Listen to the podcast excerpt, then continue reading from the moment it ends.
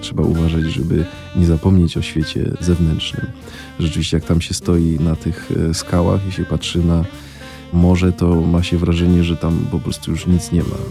To są niedomówienia, czyli rozmowy niezobowiązujące w RMF Classic. Dzień dobry Państwu, Artur Andrus przed mikrofonem. Dzisiaj naszym gościem jest Jakub Gierszał. Dzień dobry, witam serdecznie. Właściwie od razu powinienem powiedzieć, że filmy z Pana udziałem, które ostatnio się pojawiły, a zwłaszcza ten jeden, o którym będziemy mówili, to jest błyskawiczna lekcja języków obcych, bo Doppelganger, teraz Ultima można się nauczyć języków obcych oglądając te filmy. Tak, i przy okazji bardzo dobra wymowa doppelganger, e, dlatego że większość ludzi rzeczywiście mówi doppelganger, e, a powinno się mówić doppelganger. Ale to są pozostałości mojego niemieckiego z liceum, także dlatego wiedziałem, że jak jest to A z tymi dwiema kreseczkami na górze, to, to trzeba Genger. No, było do, niedawno, więc pamięć jeszcze tego jest. To prawda, to się utrwaliło, tak. Będziemy oczywiście głównie mówić o tym najnowszym filmie, filmie, który właśnie wszedł do kin. I właściwie mówiąc, że dzisiaj gościmy Kubę Gierszała u nas, powinienem powiedzieć aktora i producenta. I ja na tym producencie chciałbym się skoncentrować na początku, bowiem to jest debiut producencki, prawda? To prawda, to jest debiut producencki mój. To jest, y, no nie wiem, czy y, zapełnimy tym rozmowę, bo nie wiem, na ile mam e, dużo na ten temat do powiedzenia. To raczej wyniknęło z sytuacji takiej, że zostałem do tego projektu i pomysłu zaproszony przez Klaudiusza Chrostowskiego, czyli reżysera i scenarzystę który na etapie pomysłu no, powiedział, a co byś powiedział na to, że jedziemy na wyspę blisko bohatera, tak jakbyśmy kręcili dokument, ale wrzucamy aktora, czyli ciebie w sytuację taką rzeczywistą i próbujemy z tego stworzyć e, opowieść fabularną, czyli mm, jakby połączyć te dwie formy, fabularną i, i dokumentalną.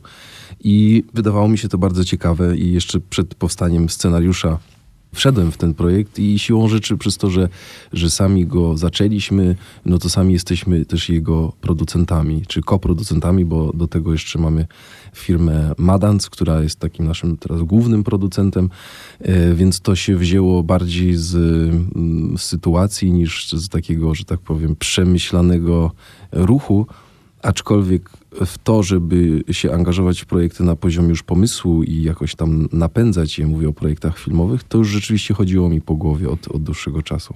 Ale na czym polega produkcja takiego filmu? Bo ludzie spoza tego świata mogą mieć postać producenta ukształtowaną na podstawie filmów hollywoodzkich, że to jest ktoś, kto ma pieniądze i narzuca reżyserowi, kto ma zagrać w takim filmie. I że na tym polega produkowanie takiego filmu. No, myślę, że z zewnątrz to tak e, może wyglądać, prawda? No tu gram główną rolę, więc sobie sam wyprodukowałem film, w którym... Narzuciłem no, aktora. Narzuciłem aktora, prawda? Powiedziałem, jak, kto ma grać i jak.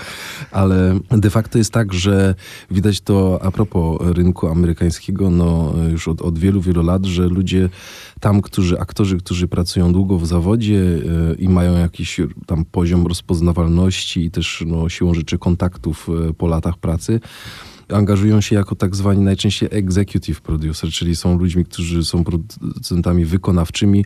Nie wiem, no z jednym z takich, em, który mi teraz przychodzi do głowy, nie wiem dlaczego, to jest na przykład Leonardo DiCaprio. Wiem, że z pomysłem do filmu który się nazywał Zjawa. O, Zjawa.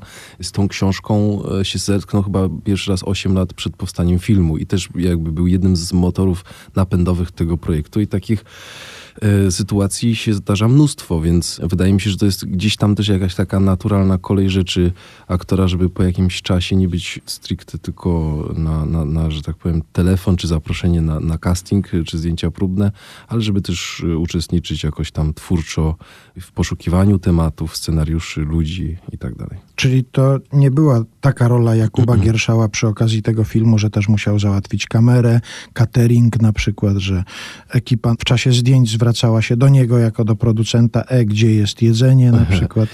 No, było tutaj e, trochę inaczej, bo nasz film troszeczkę e, powstawał na innych zasadach. E, Nasza ekipa liczyła cztery osoby.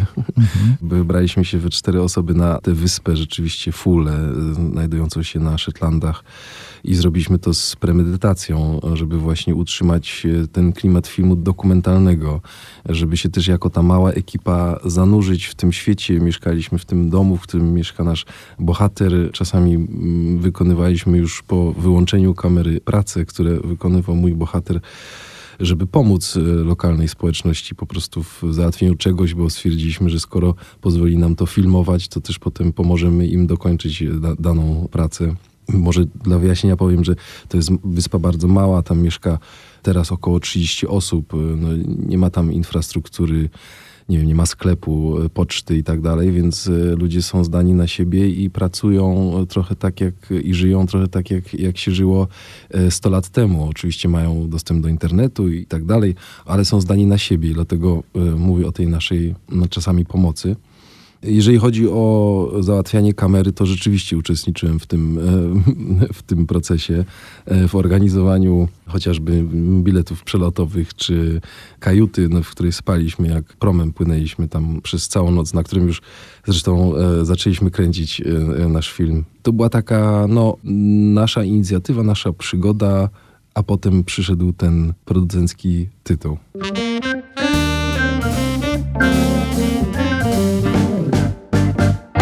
Jakub Gierszał dzisiaj u nas w Niedomówieniach w RMF Classic.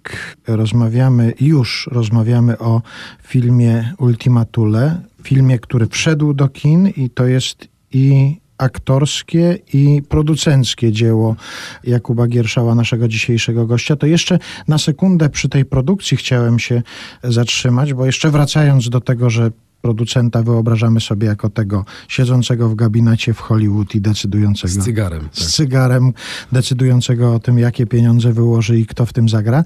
To jeszcze potem jest taka jego rola, że się zazwyczaj wtrąca w to, jak ten film w ostatecznym kształcie będzie wyglądał.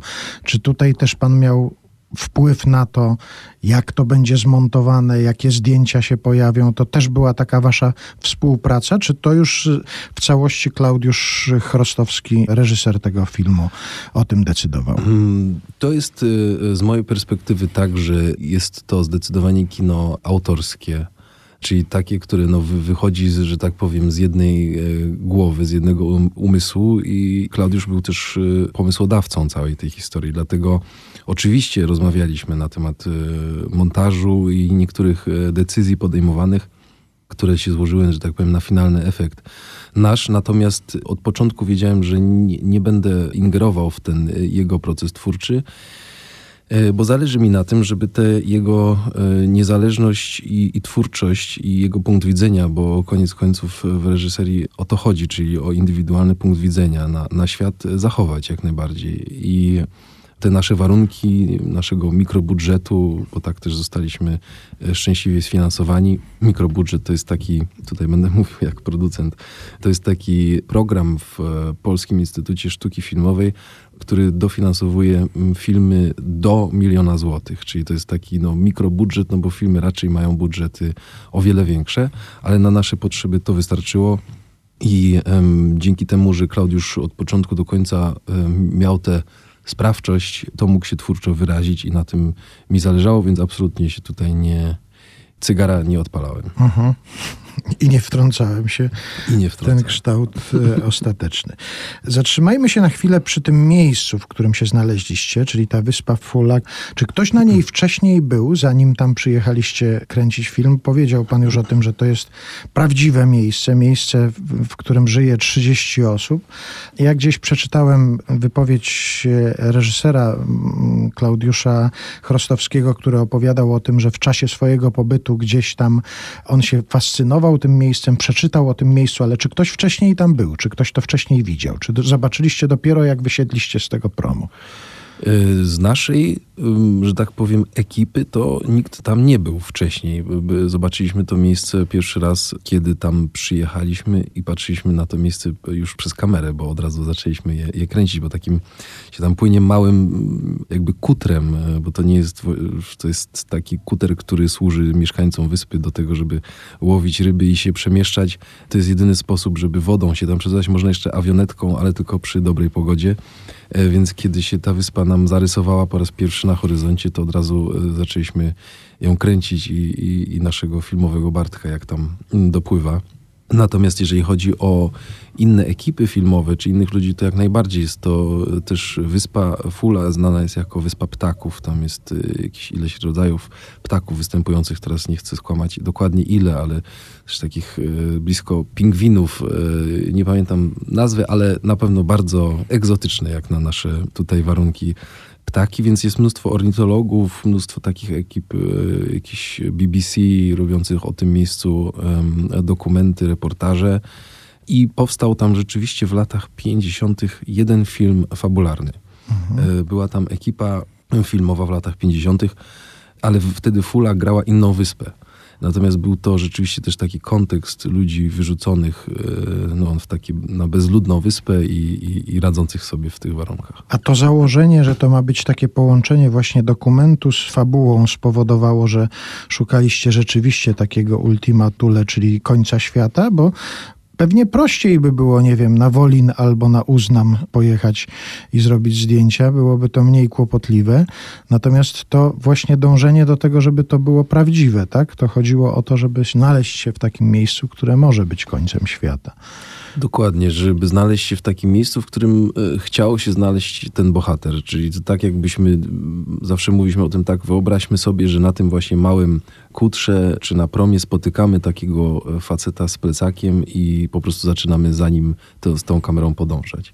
I dlatego zależało nam na tym, żeby to miejsce było realne, żeby ci ludzie spotkani tam e, byli rzeczywiście mieszkańcami tej wyspy, żeby ta natura się przeniosła na, na, na ekran i wpłynęła na nasz film i też wystąpiła w pewnym sposób też symboliczny jako takie miejsce no, odludnione, które w pewnym sensie takim psychologicznym nasz bohater odwiedza, bo się jakoś tam w swoim świecie e, zamyka, więc też się zamyka, mówię o, o głowie, prawda, więc zamyka się też na tej wyspie dosłownie, e, więc to wszystko e, miało się złożyć na nasz film. Ten wiatr, który tam wieje i hula jest też częścią naszej jakby muzyki filmowej, więc to wszystko wpływa na to, że i rzeczywiście tak jest, jak teraz mam kilka takich pierwszych zderzeń po premierze z, z widzami, że, że mówią, że w, że w kinie to się odczuwa, to znaczy, że się jakoś tak na te półtorej godziny człowiek y, trochę przenosi na tę wyspę i wchodzi w ten stan, że ją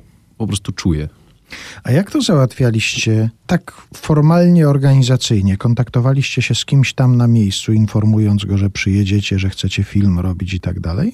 Dokładnie tak. E, Nasz e, bohater w filmie, który występuje jako Magnus, to jest mieszkaniec e, wyspy, którego znalazł wcześniej w przygotowaniach Klaudiusz, skontaktował się z nim i przeprowadzili przez ileś miesięcy, ileś rozmów na temat naszego przyjazdu, a ym, ym, nasz Magnus, y, filmowy Magnus jest y, kimś w rodzaju no, gospodarzem wyspy. Y, Tam oczywiście ludzie mieszkają od pokoleń i on, każdy ma jakąś tam, spełnia swoją funkcję i on jest takim no, włodarzem, gospodarzem, więc powiedział, że on się nami koniec końców nie dość, że, że zajmie, to z tych rozmów, y, które Klaudiusz z nim prowadził na temat wyspy i życia tam, e, wyniknęło, że mógłby zagrać w naszym filmie. I ten pojawił się pomysł, a czy byś nie chciał e, z nami wystąpić w filmie? I on się zgodził i jest teraz e, bardzo ważną postacią i częścią naszego filmu.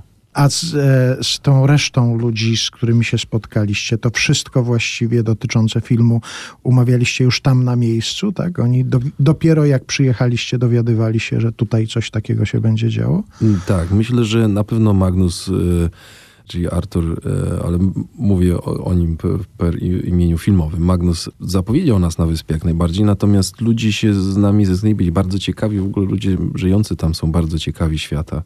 E, Wiele z nich e, podróżowało po świecie i koniec końców potem wracają na wyspę, się po prostu decydują na takie życie, albo też wrażenie jest takie, że nie potrafią żyć gdzie indziej. Byli bardzo więc zaciekawieni i zgodzili się właściwie wszyscy y, spotkani przez nas y, ludzie zgodzili się y, na to, żeby wystąpić w filmie. Umawialiśmy się wcześniej na to, co będziemy robić dokładnie, jaką scenę realizować, albo że ja teraz jako bohater będę zadawał im pytania, albo mówił o tym czy tamtym. I to oczywiście też w trakcie tych rozmów się trochę e, zaczynało mieszać ta fikcja e, z rzeczywistością, e, bo na początku rozmowy, mimo że te zasady zostały ustalone, że ja teraz jako postać będę mówił o tym i o tym, to po takiej godzinie rozmowy te granice się poprzesuwały i, i ludzie często mi potem zadawali pytania na temat rzeczy, które im mówiłem w trakcie tych rozmów, które no, mnie nie dotyczą, tylko mojego bohatera, więc e, już czasami nie, nie prostowałem tych, tych wypowiedzi, e, bo to się robiło zbyt skomplikowane. Natomiast nie wszystkie te, te też sceny weszły do filmu, e, bo zdecydowaliśmy się koniec końców, mówię my, ale tak naprawdę Klaudiusz na to, żeby utrzymać film w relacji naszego głównego bohatera Bartka właśnie z Magnusem, też na takim poziomie symbolicznym, że Magnus też jest takim jego przewodnikiem, trochę starszym bratem, trochę takim ojcem, no kimś w rodzaju jakiegoś e, chwilowego mentora. Ultima Thule to jest tytuł filmu, z którego powodu spotykamy się dzisiaj z Jakubem Gierszałem. To teraz przejdźmy do tej części Jakub Gierszał, aktor. Ja przeczytam, bo już się pojawiają recenzje tego filmu, pojawiło się kilka przedpremierowych pokazów, już jest premiera kinowa za nami. Jedno takie zdanie znalazłem w jakiejś recenzji. Owieczka kradnie show, ale Gierszał tworzy przejmującą rolę. Nie mówiono panu podczas studiów aktorskich, że z zwierzętami się nie gra, bo się nigdy nie wygra? Mówiono, mówiono. E, I, z I co z tego? I Tak, co z tego? I z dziećmi. I co z tego? Wydaje mi się, że to bardzo dobrze. To jest bohater, o którym jeszcze tutaj nie wspomnieliśmy. Bardzo ważna część naszego filmu, czyli Cupcake, owieczka, którą spotkaliśmy e, na wyspie. E, Chcieliśmy, żeby pojawił się taki motyw zaprzyjaźnienia z, myśleliśmy o całym stadzie, takim, z którym nasz bohater na początek nie będzie mógł się, że tak powiem, dogadać, a potem znajdzie porozumienie, ale mieliśmy na tyle szczęścia, że owieczka Cupcake, jako osierocona owieczka, podchodziła do nas i stała się jednym z głównych bohaterów i tak jak słusznie ktoś stwierdził, kradnie e, show. Natomiast y, było to dla nas po prostu ważne też znowu na jakimś takim symbolicznym poziomie, żeby nasz bohater y, zajął się taką częścią w sobie, tą taką wrażliwą, nazwijmy tą, która potrzebuje opieki, która sobie jakoś tam sama y, nie radzi. Mówię tu o, o owieczce, y, więc, więc to był dla nas ważny, ważny motyw i ludzie pozytywnie reagują na Cupcake, która robiła duble i wy- występowała naprawdę jako no, zawodowy aktor. I jeszcze dodajmy do tego, to nie była żadna tresura, nie było specjalisty od przygotowania zwierząt, tylko to się samo stało po prostu. To były e, sucharki i kilka e, cornflakesy, czyli płatki e, takie, prawda, kukurydziane. No to też podpowiadamy komuś, gdyby miał zamiar z owieczką nawiązać kontakt taki właśnie filmowy, to jak to robić. Pan prywatnie lubi takie zjawisko jak odludzie, takie miejsce, gdzie nie ma ludzi albo jest ich tak mało, że e, są tylko sami tacy na przykład ważni dla, a tłumu żadnego nie ma. Zna, to zjawisko odludzia, czy jest panu bliskie? Jest jak najbardziej. E, Wydaje mi się, że mm, jakoś tam, że, że tak najlepiej ja odpoczywam, ale, ale też mi się wydaje, że, to, że dużo ludzi tak ma, prawda? Może, może też z tego powodu, że ja w moim e, życiu zawodowym e, jestem często otoczony ludźmi, wieloma ludźmi, wielu ludzi spotykam, e, wchodzę w, w relacje, w konteksty i jak już e, odpoczywam i mam jakiś wolny czas e, wakacyjny, to, to wolę, żeby to było na, na spokojniej. E, Wolę, żebym e, był no właśnie jakimś, jakiegoś rodzaju odludzia. Tak? I też, żeby było zimno, chłodno, wiało. Nie, nie, nie, tego nie powiedziałem. Aha, no dobra, no to już nie będziemy brnąć dalej. Jak długo byliście tam na tej wyspie Fula? Jak długo zajęło wam kręcenie tego filmu? Mm, Nie, nie tak długo, jednak też y, nasze warunki, y, czy to finansowe, czy możliwości też ekipy były takie, jak wcześniej wspominałem, natomiast 18 dni chyba to z tego co pamiętam, o jakoś tak. A zauważył pan, że się u pana zmieniało patrzenie na to miejsce od momentu, kiedy pan tam wyszedł pierwszy raz? Czy zobaczył jeszcze z tego kutra, dopływając tę wyspę, do tego momentu, kiedy spakowaliście się i wyjeżdżacie? Że się zmieniło patrzenie na to miejsce? W pewnym sensie tak, natomiast y, muszę powiedzieć, że jechałem tam trochę y, z taką misją, prawda? Misją tego, żeby przywieźć z powrotem e, film, materiał, e, z którego można zmontować film. I, i to jest tak, że, że, że jestem wtedy w, w trybie raczej pracy, w trybie takim zadaniowym i mimo tego, że widzę e, świat dookoła, to jak jestem w takich podróżach e, dookoła filmowych, to jednak mam bardzo określony taki jasny cel. I o nim myślałem głównie. Myślałem o tym, co jeszcze e, musimy nakręcić, co jeszcze trzeba zrobić i, i załatwić. Być może to ten, ten, ten aspekt e, producencki właśnie tutaj e, działał we mnie. Więc nie miałem na pewno tak wolnej głowy, jakbym miał, gdybym sobie pojechał prywatnie na tę wyspę. Na pewno rzeczą jest, y, to jest prawda, o której mówi zresztą też y, Magnus w naszym filmie, że im dłużej jesteś na wyspie, tym staje się ona większa. Na pewno było takie wrażenie. Mówi też o tym, że trzeba uważać, żeby nie zapomnieć o świecie y, zewnętrznym. Rzeczywiście, jak tam się stoi na tych skałach i się patrzy na na morze, to ma się wrażenie, że tam po prostu już nic nie ma. E, za horyzontem naprawdę nie widać nawet zarysu lądu, tylko jest, e, jest po prostu taka jedna wielka nicość, co oczywiście jest bardzo takie no, romantyczne i, i, i dające przemyślenia i jakiś taki stan właśnie wewnętrznej medytacji, a z drugiej strony też trochę, może nie przerażające, ale też może z człowieka oblecić strach. Mhm. I był taki moment, kiedy pan sobie pomyślał, będąc tam, już bym wolał być w Hamburgu, Krakowie albo w Toruniu na przykład. E, myślałem o tym bardziej, że no wie pan co, no, mieszkaliśmy w tym domu e, tego bohatera, gdzie nie było elektryczności, e, nie było ciepłej wody, e, nie było grzania. Ten dom jest ponad stuletni i tam już mech był w środku do, domu nawet, mhm.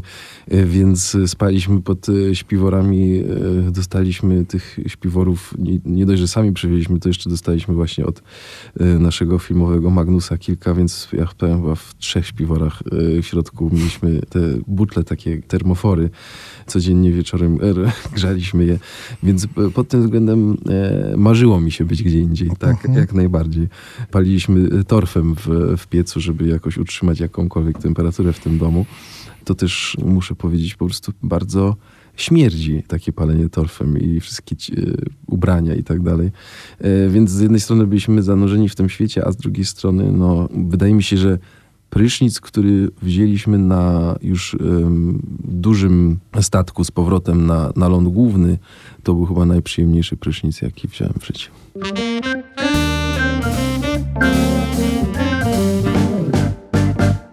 Jakub Gierszał dzisiaj u nas w Niedomówieniach w RMF Classic. Spotkaliśmy się z powodu premiery filmu Ultima Thule. Czyli rozumiem, jeszcze wracając do tego zakończenia tych zdjęć tam na e, wyspie Fula, raczej nie spodziewa pan się po sobie takiego obrotu spraw, że kiedyś pan może zamieszkać na takiej wyspie. To nie jest coś takiego, do czego ciągnęłoby człowieka wychowanego w mieście, w centrum wydarzeń. Tam trzeba się raczej urodzić, żeby móc tak żyć. Wydaje mi się, że raczej tak. Na pewno są takie sytuacje, gdzie ludzie by się na to zdecydowali. Ja nie wiem, jakby było w moim przypadku, ale życie, mimo tego, że jest krótkie, to jednak czasami też może się wydawać długie i nie wiadomo, co mhm. będzie.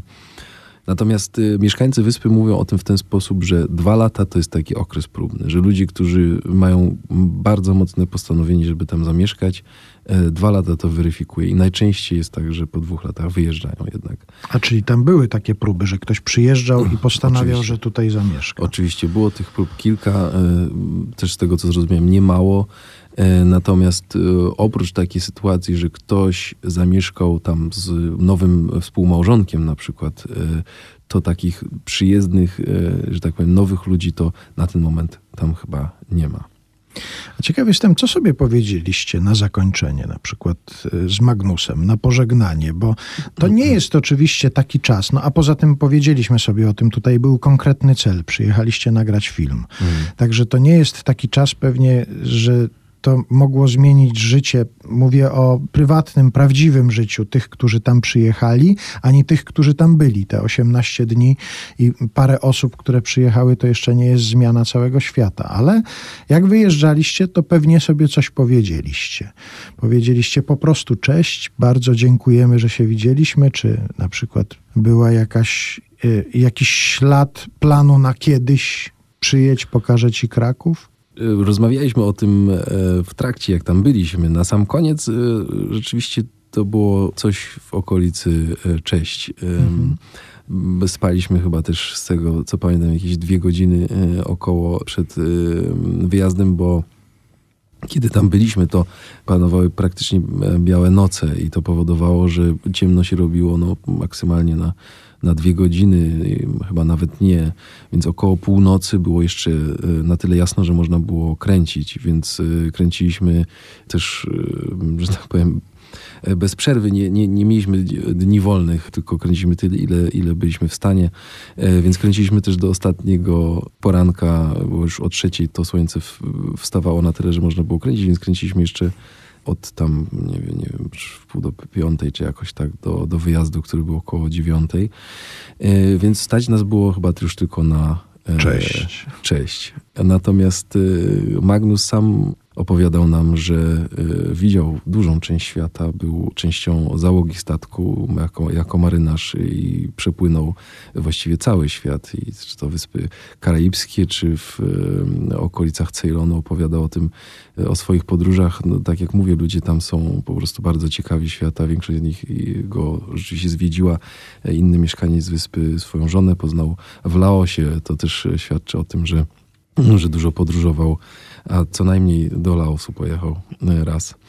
Więc e, zapraszaliśmy e, jak najbardziej do Polski, ale tak, na pożegnanie było zwykłe cześć. No i teraz o pożegnaniu z tym filmem. Ja wiem, że to trochę za wcześnie mówić o pożegnaniu z filmem, jak dopiero on miał swoją premierę, ale chodzi mi o to, wiem, że teraz pan ma obowiązki, a nawet też przyjemności promocyjno-premierowe, ale ciekaw jestem, czy pan teraz, Jakub Gierszał, aktor, jest już w zupełnie jakimś innym miejscu i ten film, to miejsce, ten czas jest już kompletnie zamknięty? Czy to się tak tego jeszcze nie da wyrzucić z głowy? Bo przecież film powstał już jakiś czas temu, prawda?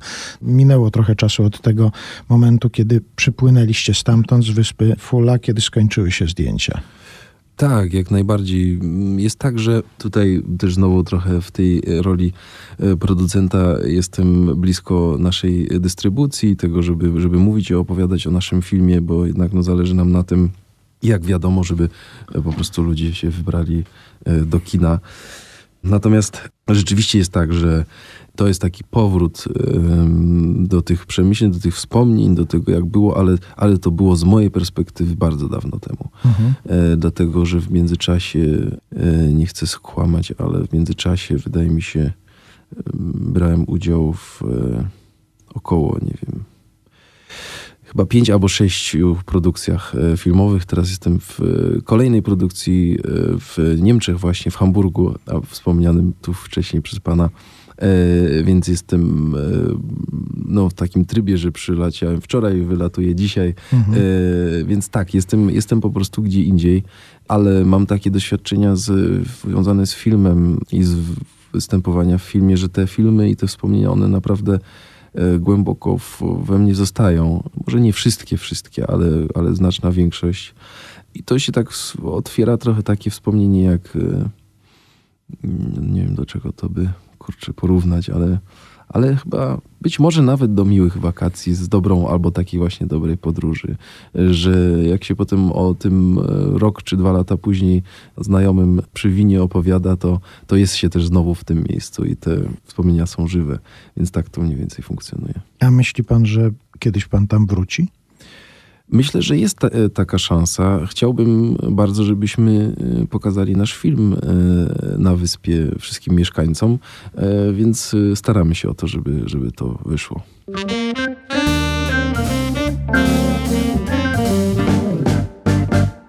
Jakub Gierszał dzisiaj u nas w Niedomówieniach w RMF Classic. Jeszcze raz przypomnimy Państwu ten tytuł Ultima Thule film, którego współproducentem jest Jakub Gierszał i gra w tym e, filmie. Występuje w roli głównego bohatera Bartka, który ucieka przed światem właśnie na koniec świata. Na Ultimatule. Ja przyznam się do czegoś, musiałem się przez całą naszą rozmowę pilnować, żeby do pana w którymś momencie panie Marku nie powiedzieć, Mm.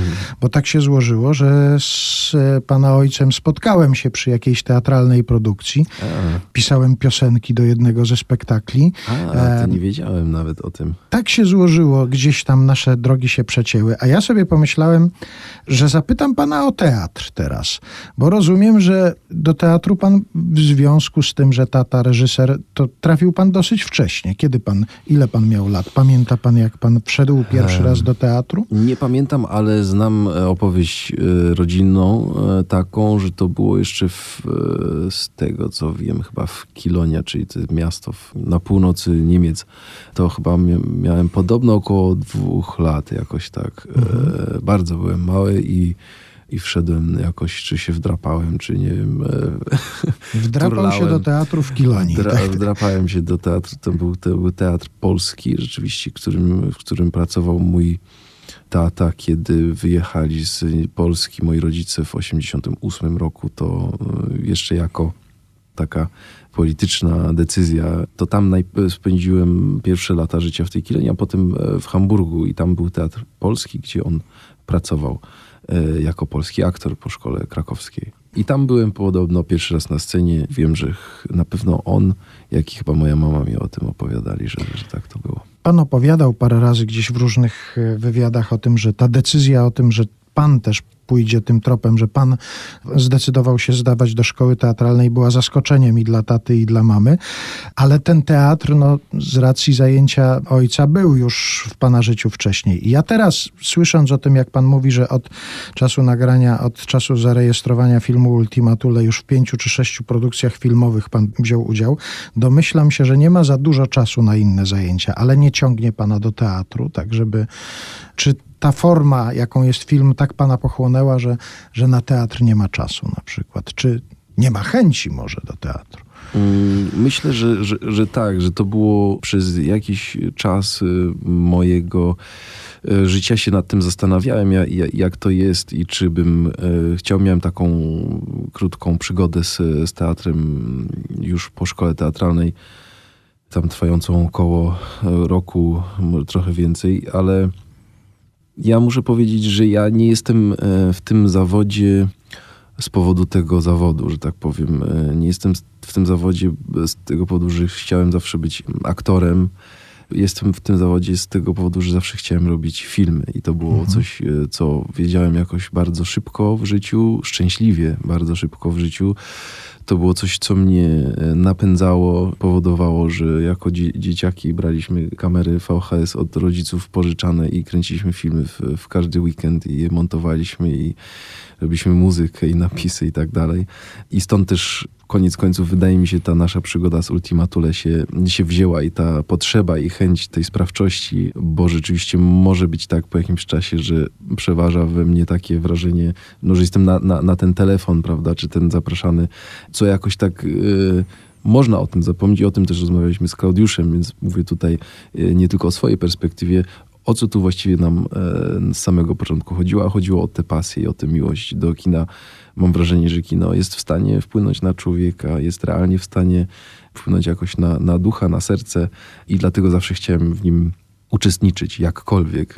Miałem taki pomysł, że jeżeli nie zdam do szkoły teatralnej, to pójdę po prostu na plan, e, gdzieś się załapię do pracy i będę orientował się, co mogę dalej dalej z tym zrobić. Więc y, po kilku latach, y, no tak, ale potem przyszła szkoła teatralna i, i rzeczywiście tam środowisko teatralne jest bardzo no, takie mocne e, i wszyscy, prawda, a tutaj, a teatr e, jako, jako ważna rzecz i też, jak pan słusznie mówi, od strony ojca też jest tak, że on teatr, tak mi się wydaje, przynajmniej też jest pasjonatem kina, ale teatr jest dla niego ważny, wydaje mi się ważniejszy niż, niż dla mnie na przykład. To się co z tym faktem zrobić, ale w pewnym momencie się, się zdecydowałem na to, że po prostu zostaję w tej e, specjalizacji. Czyli film jest najważniejszą częścią tego zawodu. No, do, do tego stopnia, że kiedy dostałem angaż w takiej pierwszej dużej e, roli głównej, to było w e, Sala Samobójców Jana Komasy. Jeszcze byłem na studiach, chyba na drugim roku. To poszedłem do, do dziekana i, i mu to po prostu wprost powiedziałem, że to jest dla mnie na tyle ważne, żeby grać w filmie, jeszcze jeżeli mam taką e, okazję wystąpić w głównej roli, że jeżeli on uzna to za, za stosowne, to żeby mi albo e, dał e, urlop dziekański, albo mnie skreślił z listy studentów, ale ja na pewno na kilka miesięcy mnie nie będzie. Co zrobił? Szczęśliwie mm, dostałem taki indywidualny tryb nauczania, to się nazywało, czyli wtedy zawsze, kiedy e, byłem w, w Krakowie, to chodziłem na zajęcia, tylko czasami po prostu z innymi rocznikami albo grupami, żeby, żeby nadrobić to, czego nie, nie byłem w stanie zrobić. Potrafi pan tak po prostu tracić, marnować czas, czy nie? Czy jest pan tak zorganizowany, że każda sekunda tego życia zawodowego, y, nie tylko zawodowego, ale życia w ogóle jest tak wypełniona, że, że na tracenie czasu nie ma ochoty. Czasu. Albo czasu nie ma na tracenie czasu. Nie, ja myślę, że tracenie czasu jest, jest ważne. W tym sensie, że zawsze jak się to ro robi, jak ja to robię, to oczywiście się pojawiają te. Aczkolwiek to udało mi się to już chyba trochę e, zniwelować przez ostatnie, ale pojawiają się takie nowe wyrzuty sumienia, prawda? Takiego Aha. rodzaju, że, że, że trzeba by coś tutaj sensownego zrobić. Natomiast udało mi się to rzeczywiście uspokoić. Trochę e, chyba Ale dojrzewam. udało się wyrzuty sumienia uspokoić, Wyrzuty tak? sumienia uspokoić jak najbardziej, dlatego że Welbeck, który ja nie jestem tutaj jakimś, e, e, nie chcę specjalnie promować jednego czy drugiego pisarza, no ale mówił o tym, że żeby pisać trzeba się nudzić. Po Mhm. prostu, żeby pisać, to ja nie mogę czekać na telefon, żeby pisać. Bo jak ja czekam na telefon, no to ja już czekam na telefon, żeby ktoś zadzwonił. E, więc ja muszę mieć nic i muszę się kompletnie nudzić, żeby móc pisać. I to myślę, że, że dotyczy jakoś tam zawodów twórczych, do których mimo wszystko e, dzisiejszego świata jeszcze uznaje e, zawód aktorski jako artystyczny i twórczy, e, że to nudzenie się, czyli to trochę marnowanie tego czasu jest, jest ważne, bo przychodzą wtedy też refleksje, które w innych okolicznościach nie przychodzą.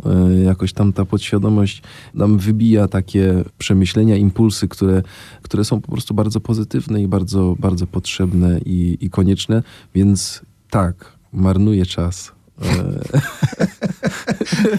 Jaka piękna deklaracja na koniec rozmowy. Ale to ja powiem, że aż mi ulżyło, jak pan to powiedział, bo tak sobie pomyślałem, może i to ze mną jest coś nie w porządku, a też ja sobie potrafię wybaczyć marnowanie czasu. Jak wczoraj przygotowywałem się do naszej rozmowy, przeglądałem różne materiały, czytałem jakieś wypowiedzi, nagle pojawił mi się artykuł, w którym Słowaczka mieszkająca w Danii zaczęła opowiadać o tym, jak są zorganizowane w Danii żłobki.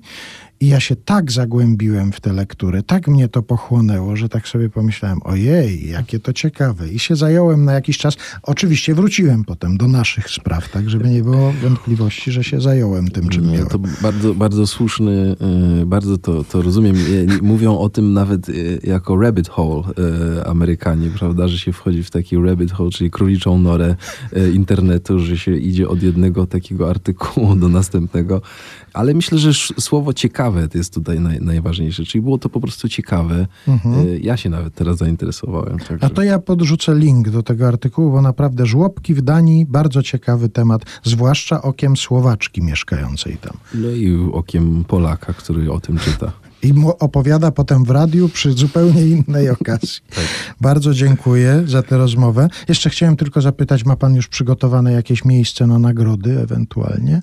No bo już jakieś się pojawiły za Ultimatule przecież, a jeszcze pewnie następne się pojawią. Kiedy jeszcze żyli moi dziadkowie, to u nich w domu by, były wszystkie jakieś tam nagrody. No bo tak, po prostu to były jakieś takie, e, zawsze miałem wrażenie, że, że, że, że to im przywoży taką, nie wiem, ze, ze świata, e, do którego mnie też wysłali, że tak powiem, przygotowali e, jakąś taką pamiątkę i też im jakoś tam powód zawsze, były te pytania, a jaką ocenę tam dostałeś, prawda, z matematyki, coś, więc to był taki dowód na to, że... Macie tutaj statuetkę z Berlina. jest jakaś statuetka, więc to jest tak jakby w moim zawodzie ta ocena, prawda? Znaczy, Może inaczej. W tym moim niepoważnym zawodzie mogłem im coś przywieźć, czego pewnie nie do końca rozumieli, ale mieli wrażenie, że to ma jakieś, e, ja, ja, jakąś wartość, przynajmniej dla babci miało. Natomiast e, niestety już nie żyją, więc teraz te nagrody są w następnej w kolejności. Następna jest, jest moja mama, więc są u, u mojej mamy, e, więc muszę jej zapytać, czy tam ma jeszcze miejsce. No, powinna coś zorganizować. Zadzwonimy do niej po audycji. Bardzo dziękuję. Jakub Gierszał był naszym gościem. To ja również dziękuję, pozdrawiam i zapraszam na film Ultimatura.